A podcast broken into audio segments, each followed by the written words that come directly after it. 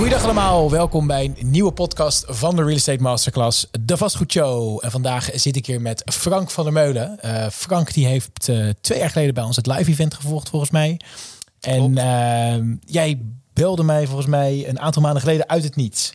Ja, ja, klopt. Leuk was dat. Ja, zeker. Ja, want um, ja, ik had inderdaad twee jaar geleden het live event bij jullie gevolgd. En uh, daar heel veel van opgestoken natuurlijk. Mm -hmm. En uh, dat, uh, de keuze om dat te gaan volgen was ook eigenlijk vanwege een, een interesse die ik heb in, in vastgoed en de makelaardij en het beleggen in, in vastgoed. Um, en door die cursus ben ik eigenlijk op de energielabels terechtgekomen. Um, ja, en dat die een belangrijke rol spelen voor vastgoedbeleggers. Uh, en überhaupt in de, in de woning uh, vastgoedbranche. Ja. Uh, en zodoende ben ik eigenlijk ja, wat rond gaan bellen met um, energielabeladviseurs. om te kijken. En eigenlijk was toen in eerste instantie mijn vraag van... nou, kunnen jullie niet een keer met mij meegaan naar een beleggingspand... om te kijken, ja, hoe, inschatting te maken wat het energielabel. Ja. Of, of te kijken hoe zo'n energielabel verbeterd kan worden. Ja, dat is waar heel veel beleggers natuurlijk mee worstelen. Hè? Want uh, daar hebben we het in het live natuurlijk heel veel over gehad. Nu zie je dat het nog belangrijker is geworden. Ja. Maar voorheen inderdaad, wat de vraag die wij veel kregen... en ook waarschijnlijk die jij je afvroeg van... Uh, als je een woning gaat aankopen die nog geen energielabel heeft... hoe kan je dan inschatten welk label die waarschijnlijk gaat hebben... en hoe je hem kan verbeteren om naar die vrije sector te komen? Ja, ja, en dat precies. stuk heb jij eigenlijk voor jezelf zo een beetje uitgezocht, begrijp ik. Ja, ja, ja. inderdaad. Want het viel mij op dat je uh, ja, los van de WOZ-waarde en het aantal vierkante meters van de woning uh, heel veel punten kan krijgen uh, door middel van een goed energielabel. Ja. Dus zodoende ben ik dat gaan uitzoeken. En ja, toen kwam ik eigenlijk achter dat die energieadviseurs het enorm druk hadden en hebben. en toen dacht ik, hey, kan ik zelf dat niet gaan doen? Kan Ja. ik zelf niet zo'n adviseur worden? Uh, en ja, daar ben ik dus uh, door jullie eigenlijk op die, op die gedachtegang uh, gebracht. En nu twee jaar later ja, ben ik al ruim anderhalf jaar energielabeladviseur. En sinds begin dit jaar voor mezelf begonnen. Ja, superleuk om te horen. Ook hoe je ja, toch via de remcursus niet direct in het beleggen bent geraakt, maar wel een zijtak daarvan. En uh, ja, hoe je eigenlijk uh, hoe je daar in terecht gekomen bent. En ik denk ook op een goed moment bent ingestapt. Want eigenlijk toen jij het al kon, werden die energielabels nog belangrijker. Vanwege ja. de stijgende uh, gasprijzen en elektriciteitsprijzen. Ja, ja, precies. Ja, dat is heel grappig. Dat um, eigenlijk sinds, nou eigenlijk nog, nog maar een paar maanden... Uh, hoor ik van makelaars uh, dat ze zeggen van nou het eerste wat mensen nu vragen is uh, wat voor energielabel heeft deze woning. Ja. Terwijl toen ik startte, toen kwam ik bij mensen en die zeiden een beetje gekscherend van nou plak er maar een G op, dat maakt toch allemaal niet uit. Nee, want, precies. wordt toch het is verplicht, hè? Dat ja. is het enige. Ja. ja. ja, dat is enorm veranderd. En um, nou ja, onwijs leuk dat je dat bent gaan doen. Even voor de, de, mensen die, uh, uh, wat wij krijgen inderdaad heel hard de vraag en dat wat jij ook afvroeg. Hoe, stel een woning heeft nog geen label, je krijgt een off-market aangeboden. Wat zijn de dingen waar je als belegger dan op let van, ja, dat je een beetje voor jezelf een inschatting kan maken? Ja. Je, je kan natuurlijk nooit één op één zeggen, oh, als hij, als hij dubbel glas heeft en hij heeft spouwmuurisolatie, oh, dan heb je een B. Dat, dat nee, ga je natuurlijk nee, niet precies. zeggen, maar ja. Wat zijn dingen waar je op kan letten? Ja, dat is inderdaad het moeilijke. Want je kan uh, bij die energielabels, het, is, het blijft toch maatwerk. Dus je kan heel moeilijk inschatten uh, exact wat het is. Maar wat, um, ja, wat een heel belangrijke factor van het energielabel is, is het uh, woonoppervlakte ten opzichte van de zogenoemde verliesoppervlakken. En verliesoppervlakken, dat zijn normaal gesproken vloeren, gevels en daken. Omdat je daar warmte verliest. Oké. Okay. Um, alleen dan is het, uh, is het zo dat een vrijstaande woning, die heeft eigenlijk alles. Die heeft een voorgevel, een linkergevel, een rechtergevel, een vloer, mm -hmm. een dak. Ja. Uh, terwijl een appartement ergens in het midden van een, uh, van een complex, die wordt omringd door andere appartementen, die heeft ja. voor het energielabel alleen maar een voor- en een achtergevel. Ja, want zijn zijgevels, vloeren en dak, dat zijn andere mensen. Dus, ja, dus niet verlies. Precies. Ja, ja, dat, dat, dat, voor het energielabel ga je ervan uit dat dat warme ruimtes zijn, dus verlies je daar niks. Ja. Uh, ja, dus dat is gelijk iets waar je, wat, je, wat je heel goed kan meenemen als je een woning gaat bezichtigen. Uh, een, uh, ja, een, een, een hoekwoning is lastiger dan een tussenwoning. En een hoekwoning bovenaan in een appartementencomplex ja. verliest nog meer. Ja, want dan... dan... heb je dus en een zijgevel en een plat dak. Ja. Ja, dus dat, dat, dat is dan weer nog lastiger. Ehm, dus dat is eigenlijk wel een hele belangrijke om in het achterhoofd te houden. Uh, en daarnaast is het uh, bouwjaar van de woning. Um, over het algemeen uh, word, hou je het bouwjaar aan voor de isolatiewaarde. Dus hoe goed is, is, is zijn de gevels of het dak geïsoleerd? Dan, mm -hmm. dan is de bij, het bouw, bouwjaar leidend. Ja. En ja, voor 1960 is er niks geïsoleerd. Nee, oké. Okay. Dat, ja. dat weet je, dan, dan heb je gewoon, dan heb je wel een spouwmuur vaak. Dat was vanaf de jaren 30 volgens ja, mij al. vanaf de jaren heb je gewoon een muur met een lege ruimte en daarna weer een muur. Dat ja. is een beetje de, de, de buitengevel standaard opbauw. Ja, precies. En dan wordt er vaak, daar wordt dan spouwmuurisolatie ingespoten. Dat kan je dan nu nog aanbrengen eventueel. Ja, ja, en dat is inderdaad, um, als je het hebt over verbeteringen, dan zijn juist die oude woningen wel weer heel fijn als het ware omdat je dan een goed geïsoleerde gevel krijgt als je dat doet. Ja, ja, ja. want een woning waar niks is geïsoleerd kan je natuurlijk makkelijker verbeteren. Ja. Uh, en iets wat, wat ja, toch al, uh, bijvoorbeeld jaren 80 woningen hebben wel iets van isolatie. Ja, om dat te verbeteren is dan weer lastiger als het ware. Dan moet je echt naar binnen gaan werken. Dat je tegen ja. de binnenmuur aan weer extra isolatie gaat doen. En, ja, precies. Ja, ja, En, en, dat, dat is, ja, dan verlies je ook vaak wat ruimte. Dus dat wil je ook liever niet. Nee. En dat is vrij kostbaar. Voordat je het weet ben je en uh, geld kwijt aan je isolatie. En ben je ook een vierkante meter kwijt aan ruimte. Precies, wat je ook ja. in heel veel plekken 5.000, 6.000 euro zou kosten. Ja, ja, ja, zeker natuurlijk. In de Randstad is dat iets wat je liever niet, uh, niet wilt. Ja, ja duidelijk. Dus oké, okay, een goede tip voor de kijkers. Kijk naar uh, de, hoe noemde je het nou? De compactheid ten opzichte van de verlies. Dus ja, verlies, het, het, het woonoppervlakte ten opzichte van die verliesoppervlakken. Ja. ja. Dus ook gewoon eigenlijk uh, ik vind dit ook een voorbeeld van gewoon een beetje uh, je gezonde verstand eigenlijk, eigenlijk gebruiken. Wel, van joh, ja, hey, ja. waar zit, hoeveel vlakken heeft hij waar kou zit? Ja. Um, dan is het slechter. Ja, precies. Ja, precies. Dat, uh, dat klopt. Ja, duidelijk. En het is natuurlijk ook zo dat, um, even los van het feit dat een woning die ingebouwd is, al van nature een beter label gaat hebben zou het ook nog minder geld kosten om hem beter te maken. Omdat hij waarschijnlijk, stel hij heeft een raam aan de voorkant en een raam aan de achterkant. Dan hoef je ook maar twee keer dubbel glas te plaatsen. Bijvoorbeeld Ja. ja. plus plus gas. Terwijl een woning die Ja, ook nog een raam aan de zijkant heeft, moet je ook eens een keer vier ramen hebben. Dus Ja. hij begint eigenlijk al beter. En hij is ook nog eens goedkoper om te isoleren. Ja, ja, klopt helemaal. Want inderdaad, zo'n zo'n eh, een appartement eh, in het midden van een complex, dus die eigenlijk alleen een voor- en achtergevel heeft, die komen, ja, vind ik altijd verbazingwekkend hoog uit. Ook al zijn het ongeïsoleerde complexen van de jaren 60 eh, die we allemaal wel kennen. Zou zo'n woning energielabel C kunnen hebben? Dat kan zomaar. ja. Ja, Ja, ja, ja, Terwijl die eigenlijk eh, dus inderdaad al 60 jaar oud is. Ja. Ehm, hij, eh, de woning heeft misschien zelfs enkel glas. Ja, met enkel glas is het Dus wel heel lastig. wel, eh, ja, heel ja, nee, lastig. en- enkel glas is zeker... ehm, dat is overigens wel een kans. Want als je zo'n slechte woning ziet met enkel glas... Ja, daar betaal je dan waarschijnlijk een stuk minder voor. Ja. Het vervangen van enkel glas is, is niet eens zo heel kostbaar. En Ja. dan schiet je wel echt eh, altijd eh, flink omhoog. Ja, Ja. maar dat is een, een mooi tweede punt. Hè? Eh, stel, we hebben vastgesteld dat de woning een bepaald label heeft.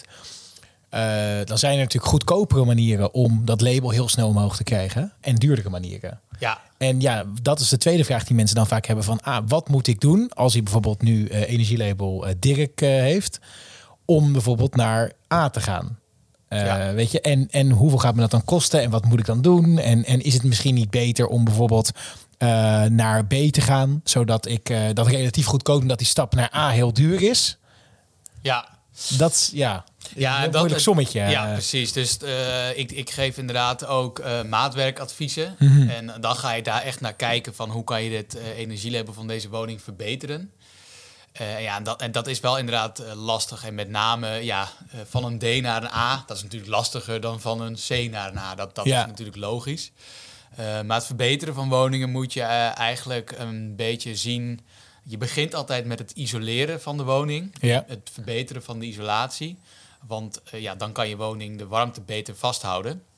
Want ja, een, een ongeïsoleerde woning, ehm, daar betere installaties in, eh, in plaatsen. Eh, ja, dat is eigenlijk... ehm, Een ja, warmtepomp met enkel glas heeft geen enkele zin. Nee, Nee. Want, want die warmtepomp die heeft niet genoeg capaciteit om de woning warm te houden, Mhm. te krijgen. Ja, Ja, Oh, dus ja. stap 1 is dus het isoleren van de woning. En dan stap 2 is kijken inderdaad naar het verbeteren van die, van die installaties. Ja, ja. Oké, duidelijk. Dus altijd eerst kijken isolatie. En vaak is denk ik ook eh, isolatie aanbrengen, zeker als het op glas aankomt. Dat is een vrij standaard product in de zin van dat is makkelijk te maken. voor, voor een glaszetter. En ehm, ja, als jij uh, een warmtepomp, dan moet je ook volgens mij al vloerverwarming hebben. Anders dan is het vrij lastig. Ja, ja dat, is, dat is ook wel weer lastiger te zeggen. Want je hebt ook uh, luchtwarmtepompen. Dus dat is mhm. eigenlijk een beetje hetzelfde als een airco. Dan heb je een buitenunit die er precies hetzelfde uitziet als, als een airco. En uh, die kan je ook op jouw radiatoren aansluiten.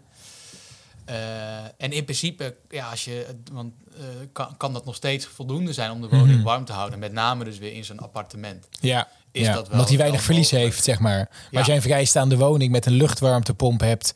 Uh, die op radiatoren aangesloten is wordt het waarschijnlijk lastig. Ja, ja, precies. Ja, want een CV die verwarmt het water in principe tot 70 à 90 graden. En daardoor wordt je woning warm. Ja. Zo'n warmtepomp die heeft maar capaciteit om tot uh, eh, 50 graden te gaan. Ja. En als je dan vloerverwarming hebt, is eigenlijk je hele vloer wordt langzaam warm. Ja, vloerverwarming die gaat geloof ik überhaupt maar tot ongeveer 45 graden. Alleen die staat eigenlijk constant aan, waardoor het uh, altijd warm is. Omdat die warmte ook zo goed vast wordt gehouden, inderdaad. Ja, ik heb inderdaad in mijn uh, woning heb ik uh, wel een cv-ketel, maar wel vloerverwarming.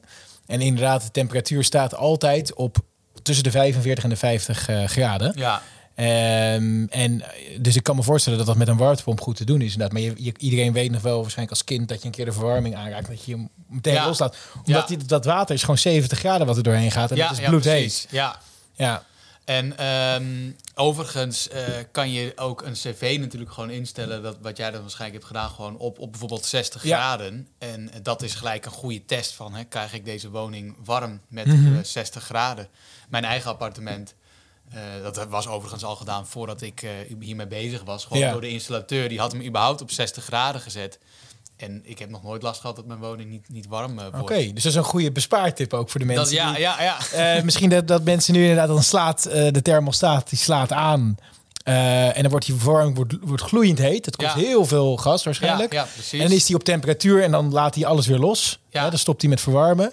Maar vaak kan je beter, volgens mij, uh, op een wat constantere, lagere temperatuur uh, langzaam blijven verwarmen. Dan die pieken de hele tijd. Dat die ja, het naar 80, 70, 80 graden moet verwarmen. Klopt. En dat is ook waarom ze dan altijd zeggen dat met vloerverwarming is, kan je niet heel makkelijk een woning heel snel warm krijgen. Nee. Als je bijvoorbeeld terugkomt van vakantie, dan duurt het iets langer dan met radiatoren. Want die gaan gewoon keihard loeien. Ja, ik, ja. het is grappig dat je dit zegt. Ik had toen net vloerverwarming in het nieuwe huis. En ik zat te kloten ermee. Want uh, ik dus avonds hem zachter zette. Maar ik had hem veel te zacht gezet. Dus oh, ja. toen werd het om... Uh, ik had hem bijvoorbeeld op 16 graden dan s'avonds staan. Maar vervolgens, uh, de volgende de dag daarna, in de ochtend zette ik hem weer op, op 20.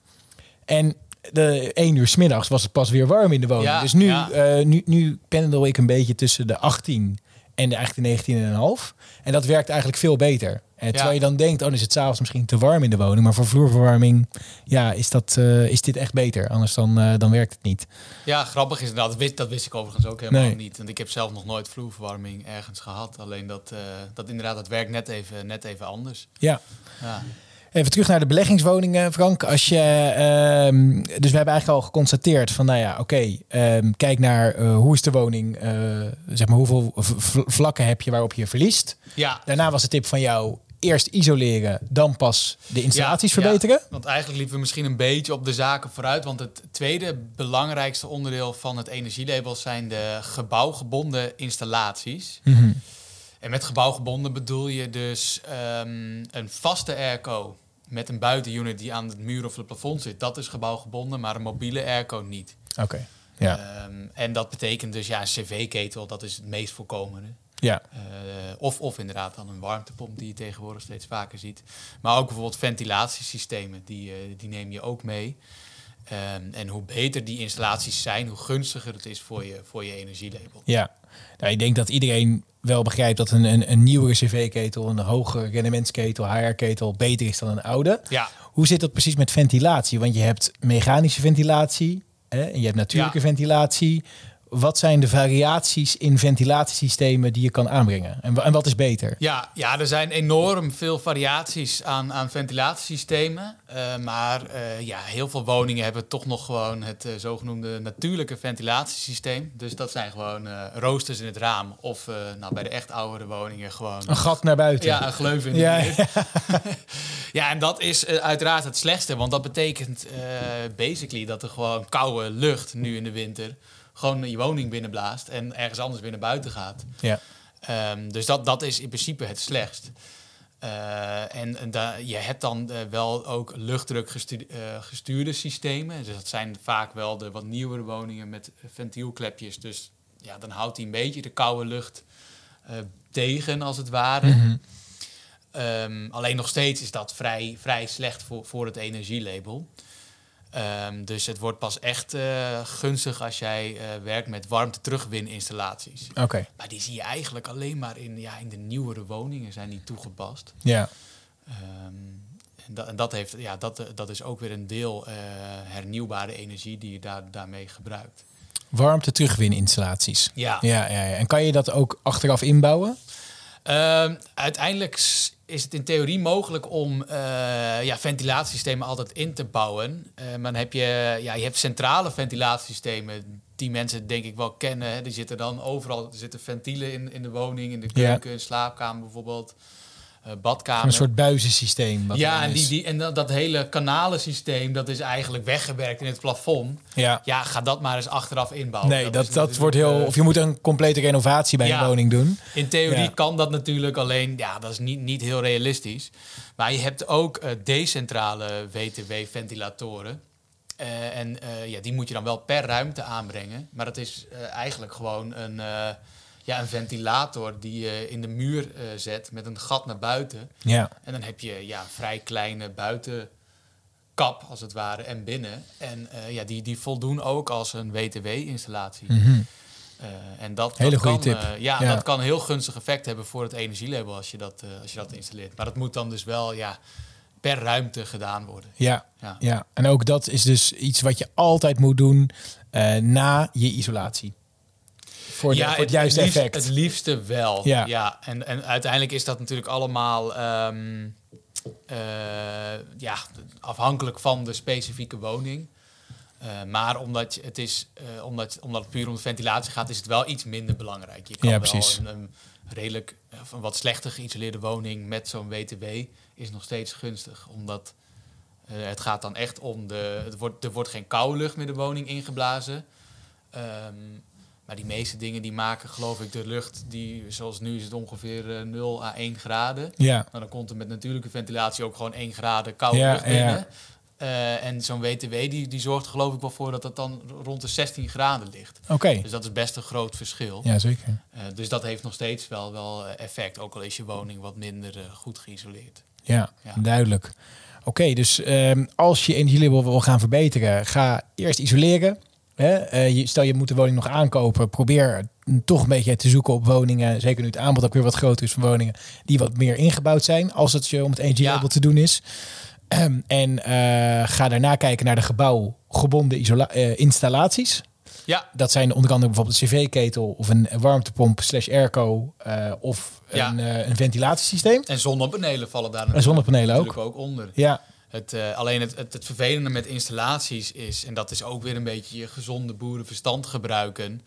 Ehm, ja, soms, sommige, sommige installaties zijn gewoon niet mogelijk om op een, bij een bepaalde woning te installeren. ja, Eh, ja, een grondwarmtepomp. Nou, het, sowieso zijn die dingen hartstikke duur. Ja, als je geen tuin hebt, ja, dan kan je hem natuurlijk ook niet eh, in Nee. de grond ergens zetten. en Maar dat is, die houdt warmte uit de grond. ja, die, die Ja. Dan, ja, dat zie je eigenlijk alleen maar in de hele ja, duurdere vrijstaande woningen met een grote tuin. Dan, dan ga je echt eh, meters diep de grond in. Mhm. Dan haal je eigenlijk vanuit het grondwater eh, haal je je energie. Wel een mooi systeem. eh, Zeker, ja. ja. En, en dan, dan ga je echt wel richting de, de A++-achtige woningen. Alleen dat is denk ik voor, de, voor in de beleggingswereld niet, niet echt van Nee, toepassing. want dat nee je moet die hele- rendement ook in de gaten houden. ja, en dat ja, zijn hele dure installaties. Dus wil je dat terug gaan verdienen, dan ben je wel even een tijdje bezig. Ja. ja, ja, duidelijk. Ehm, dit zijn denk ik wel genoeg tips voor de mensen waarop ze een beetje kunnen zoeken. Wat kan ik verbeteren? Ze kunnen zelf de prijzen opzoeken van wat kost het om, om zo'n installatie te, te, installeren. Ehm, even terug naar jou persoonlijk. Wat ik ook leuk vind is, uh, nou ja, hoe gaat het met de business? Want ja, het gaat uh, eigenlijk heel goed. Um, ik ben, uh, zoals ik al zei, uh, nog maar begin dit jaar gestart. En ik merk dat, ik, dat er heel veel vraag is naar, naar energielabels. Want dat is eigenlijk wat ik het meeste doe, is echt mhm. puur energielabels afgeven. Geen verbeteradvies? Die, Ik geef ook verbeteradviezen, alleen ja, dat is in principe wel iets minder. Ja. Uh, er komen wel steeds vaker uh, beleggers naar mij toe. Die hebben al een uh, energielabel, maar dat is dan bijvoorbeeld een C of een D. En die voelen natuurlijk de hete adem van de, de, jongen in, in de nek ja. naar die 187 punten. En die vragen van ja, hoe, kunnen we dat energielabel verbeteren? met als voorloper natuurlijk dat je dan meer punten krijgt. Ja.